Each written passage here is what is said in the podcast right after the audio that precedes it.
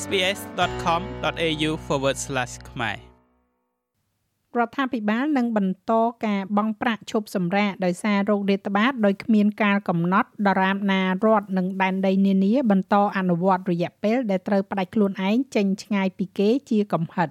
ប្រាក់ជំនួយនេះនឹងបន្តរ៉ាប់រងពាក់កណ្ដាលម្នាក់រវាងរដ្ឋាភិបាលថ្នាក់រដ្ឋនិងរដ្ឋាភិបាលសហព័ន្ធ។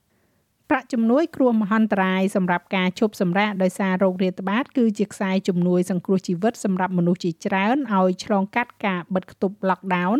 និងការផ្ដាច់ខ្លួនឯងចេញឆ្ងាយពីគេដោយសារតែ COVID ដោយត្រូវបញ្ចប់នៅថ្ងៃទី30ខែកញ្ញានេះលោកនាយករដ្ឋមន្ត្រីបានប្រកាសថាខ្សែជំនួយសង្គ្រោះជីវិតនេះនឹងត្រូវបន្តដោយគ្មានការកំណត់ ប្រាក់ជំនួយនេះនឹងនៅតែមានដរាបណារយៈពេលដែលត្រូវផ្ដាច់ខ្លួនឯងជាកំហិតនៅតែត្រូវអនុវត្តនៅរដ្ឋនិងដែនដីទាំងអស់គណៈពេលដែលរដ្ឋាភិបាលតម្រូវឲ្យធ្វើការផ្ដាច់ខ្លួនជាកំហិតរដ្ឋាភិបាលមានទំនួលខុសត្រូវក្នុងការផ្ដល់ការគ្រប់គ្រងក្នុងអំឡុងពេលនោះការចំណាយ50%ម្នាក់រវាងរដ្ឋាភិបាល Commonwealth និងរដ្ឋាភិបាលថ្នាក់រដ្ឋនិងដែនដីនឹងនៅតែដដែល។ លោក Anthony Albanese និយាយថានឹងមានការដាក់បន្ថែមនៅដែនកំណត់មួយទៀតចំពោះការទៀមទាប្រាក់ជំនួយនេះក្នុងគោលបំណងដើម្បីបញ្ឈប់មនុស្សពីការកេងយកអត្ថប្រយោជន៍ពីប្រព័ន្ធនេះ three payments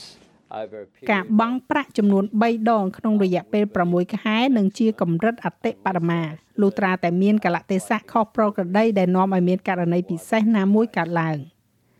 ប្រាក់ជំនួយគ្រោះមហន្តរាយនេះត្រូវបានដាក់ឲ្យដំណើរការជាលើកដំបូងនៅក្នុងខែសីហាឆ្នាំ2020ដើម្បីជួយដល់មនុស្សដែលត្រូវបានបង្ខំឲ្យផ្ដាច់ខ្លួនឯងចេញដាច់ដោយឡែកពីគេ ហើយមិនមានសិទ្ធិទទួលបាននៅច្បាប់ឈប់សម្រាកពីការងារនៅពេលឈឺដំបូងឡើយវាត្រូវបានគេកំណត់ចំនួន1500ដុល្លារក្នុង2សប្តាហ៍សម្រាប់រយៈពេល14ថ្ងៃដែលត្រូវផ្ដាច់ខ្លួនឯងឲ្យនៅដាច់ដោយឡែកពីគេនោះ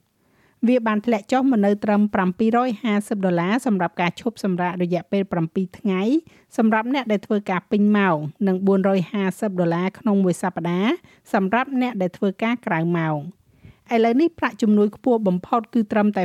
540ដុល្លារប៉ុណ្ណោះសម្រាប់រយៈពេល5ថ្ងៃនៃការផ្ដាច់ខ្លួននៅដាច់ដោយឡែកពីគេអតីតអនុប្រធានមន្ត្រីសុខាភិបាលលោកវិជ្ជបណ្ឌិត Nick Cosworth មានប្រសាសន៍ថាប្រទេសអូស្ត្រាលីកំពុងតែផ្លាស់ប្ដូររបៀបចាត់ចែងវីរុសកូវីដ -19 នេះ Well there's going to have to be a balance between វានឹងត្រូវតែមានតុល្យភាពរវាងហានិភ័យដែល COVID បង្កឡើងចំពោះបុគ្គលនិងឥទ្ធិពលដែលយើងមាននៅក្នុងសង្គមដែលទូលំទូលាយជាងនេះសម្រាប់ភាពផ្ដាច់ខ្លួនជាកាតព្វកិច្ចកម្លាំងពលកម្មការងារសេដ្ឋកិច្ច រឿងអ្វីបែបនោះហើយការពិតនៅពេលនេះគឺអ្វីអ្វីបានផ្លាស់ប្ដូរគ្រប់គ្រាន់ហើយជាមួយនឹងការគម្រាមកំហែងពី COVID-19 ដែលយើងអាចចាប់ផ្ដើមចាត់ទុក COVID-19 ឲ្យកាន់តែដូចជាមេរោគផ្លូវដង្ហើមដទៃទៀត។ លោកនាយករដ្ឋមន្ត្រីមានប្រសាសន៍ថារយៈពេលដែលត្រូវផ្ដាច់ខ្លួនឯងនៅដាច់ដោយឡែកពីគេជាកំហិតដែលថ្មីថ្មីនេះបានធ្លាក់ចុះពី7ថ្ងៃមកនៅត្រឹម5ថ្ងៃគឺជាអ្វីដែលអាចត្រូវបានពិភាក្សាបន្ថែមទៀតនៅក្នុងកិច្ចប្រជុំគណៈរដ្ឋមន្ត្រីជាតិលើកក្រោយ We'll have a discussion about យើងនឹងមានការពិភាក្សាអំពីការរៀបចំនៅពេលអនាគតនៅថ្ងៃទី30ខែកញ្ញានេះនៅពេលដែលគណៈរដ្ឋមន្ត្រីជាតិនឹងជួបប្រជុំដោយផ្ទាល់ ប៉ុន្តែមានការរៀបចំផ្សេងផ្សេងគ្នានៅក្នុងប្រទេសជាច្រើនប៉ុន្តែអ្វីដែលយើងកំពុងឃើញបណ្ដាបណ្ដានោះគឺដំណើរឆ្ពោះទៅរកការចាត់ទុកជំងឺ Covid ដូចគ្នាទៅនឹងបញ្ហាសុខភាពដទៃទៀតដែរលោកដូមីនិកប៉េរ៉ូតេអភិបាលរដ្ឋ New South Wales ធ្លាប់ជាអ្នកគ្រប់គ្រងម្នាក់អស់រយៈពេលជាយូរមកហើយនៅក្នុងការទទួលបន្ទុកផ្ទាល់ខ្លួនលើបទបញ្ជាសុខភាពតែគ្មានលក្ខណៈជាឯកសណ្ឋាននេះ។ លោកបានប្រាប់នាយកព័ត៌មាននៅទីក្រុងស៊ីដនីថាវាចាំបាច់ត្រូវតែមានភាពស៊ីសង្វាក់ស្របគ្នាជាងនេះរវាង COVID-19 និងជំងឺផ្លូវដង្ហើមផ្សេងទៀតដូចជាជំងឺផ្ដាសាយជាដើម My view is we need to move to a system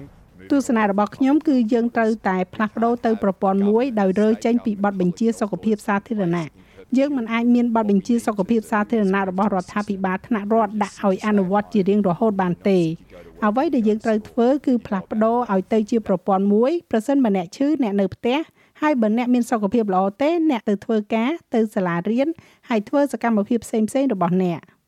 ចាប់តាំងពីបទបញ្ជាទាំងនេះត្រូវបានណែនាំឡើងប្រាក់ជំនួយគ្រោះមហន្តរាយសម្រាប់ការឈប់សម្រាករោគរាតត្បាតបានចំណាយប្រាក់ពន្ធអស់ជាង2200លានដុល្លារ ប៉ុន្តែអ្នកផ្សេងទៀតក៏មានការព្រួយបារម្ភអំពីផលប៉ះពាល់រយៈពេលវែងនៃ COVID និងការចំណាយរបស់វាទៅលើសេដ្ឋកិច្ចនិងប្រព័ន្ធសុខាភិបាលផងដែរសមាជិកសភាឯករាជ្យលោកស្រីបណ្ឌិត Monique Ryan មានប្រសាសន៍ថារដ្ឋាភិបាលចាំបាច់ត្រូវគិតឡើងវិញអំពី COVID រ៉ាំរ៉ៃឬក៏ Long COVID We have an increasing យើងមានក្រុមមនុស្សកើនឡើងនៅក្នុងសហគមន៍ដែលមាន long covid យើងមិនមានផែនការសម្រាប់ពួកគេទេយើងពិតជាមិនមានចក្ខុវិស័យអំពីរបៀបដែលរដ្ឋាភិបាលនឹងដោះស្រាយជាមួយនឹង covid ក្នុងរយៈពេលពី6ទៅ12ខែខាងមុខខ្ញុំគិតថាយើងអាចធ្វើដោយការកំណត់ឡើងវិញនៅការសន្ទនារបស់យើង អំពីលក្ខខណ្ឌនេះនិងការពិភាក្សាអំពីរបៀបដែលឧស្សាហកម្មសុខាភិបាលហើយក៏សេដ្ឋកិច្ចផងដែរនឹងរងឥទ្ធិពលដោយសារវា។ លោកស្រីនិយាយថាអូស្ត្រាលីក៏នឹងត្រូវទប់ស្កាត់ការឆ្លងពីបរទេសផងដែរដោយសារអត្តកូលខាងជើងប្រឈមមុខនឹងរលករដូវរងារបស់ខ្លួនហើយកំពុងអំពាវនាវឲ្យមានកិច្ចប្រជុំកំពូលមួយក្នុងការដោះស្រាយជំងឺរាតត្បាតដែលកំពុងបន្ត We know it hasn't gone away. យើងដឹងថាវាមិនទាន់បាត់ទៅណាទេហើយយើងដឹងថាមានហានិភ័យខ្ពស់នៃការមាន variant ថ្មីថ្មីជាច្រើនទៀតដែលលេចឡើងក្នុងរដូវរងាភាគខាងជើង ដូច្នេះជាជាងបដិសេធវាអ្វីដែលរដ្ឋនិងរដ្ឋាភិបាលសហព័ន្ធត្រូវធ្វើគឺបង្ហាញពីភាពជាអ្នកដឹកនាំលើបញ្ហានេះពិភាក្សាជាមួយគ្នាហើយបង្កើតនូវផែនការដែលនឹងបន្ធូរបន្ថយការថប់បារម្ភរបស់យើងថាតើវានឹងប៉ះពាល់ដល់យើងយ៉ាងដូចម្តេចក្នុងរយៈពេល6ទៅ12ខែបន្ទាប់រដ្ឋាភិបាលបានបង្កើតគណៈកម្មការសភាមួយសម្រាប់ជំងឺ Covid រ៉ាំរ៉ៃឬក៏ Long Covid នេះដែលទំនងជានឹងរាយការណ៍មកវិញនៅដើមឆ្នាំក្រោយ ជាមួយគ្នានេះអង្គការសុខភាពពិភពលោកនិយាយថាខណៈពេលដែលមនុស្សភាគច្រើនដែលកើតនៅជំងឺ Covid-19 បានជាសះស្បើយយ៉ាងពេញលេញមកវិញនោះតែមានការប៉ាន់ប្រមាណថាប្រមាណជា10ទៅ20%បានវិវត្តទៅរកផលប៉ះពាល់រយៈពេលមធ្យមនិងរយៈពេលវែងជាមួយនឹងអាការៈជាច្រើនប្រភេទដូចជាអស់កម្លាំងលហិតលហៃថប់ដង្ហើមនិងគិតអ្វីមិនឃើញដោយសារតែខួរក្បាលដំណើរការមិនបានល្អ។ ចាស់ហើយរបាយការណ៍នេះចងក្រងឡើងដោយ Krishani Danji សម្រាប់ SBS News និងប្រាយសម្រួលសម្រាប់ការផ្សាយរបស់ SBS ខ្មែរដោយនាងខ្ញុំហៃសុផារ៉ានីចូលចិត្តអ្វីដែលអ្នកស្ដាប់នេះទេ Subscribe SBS ខ្មែរនៅលើ Podcast Player ដែលលោកអ្នកចូលចិត្ត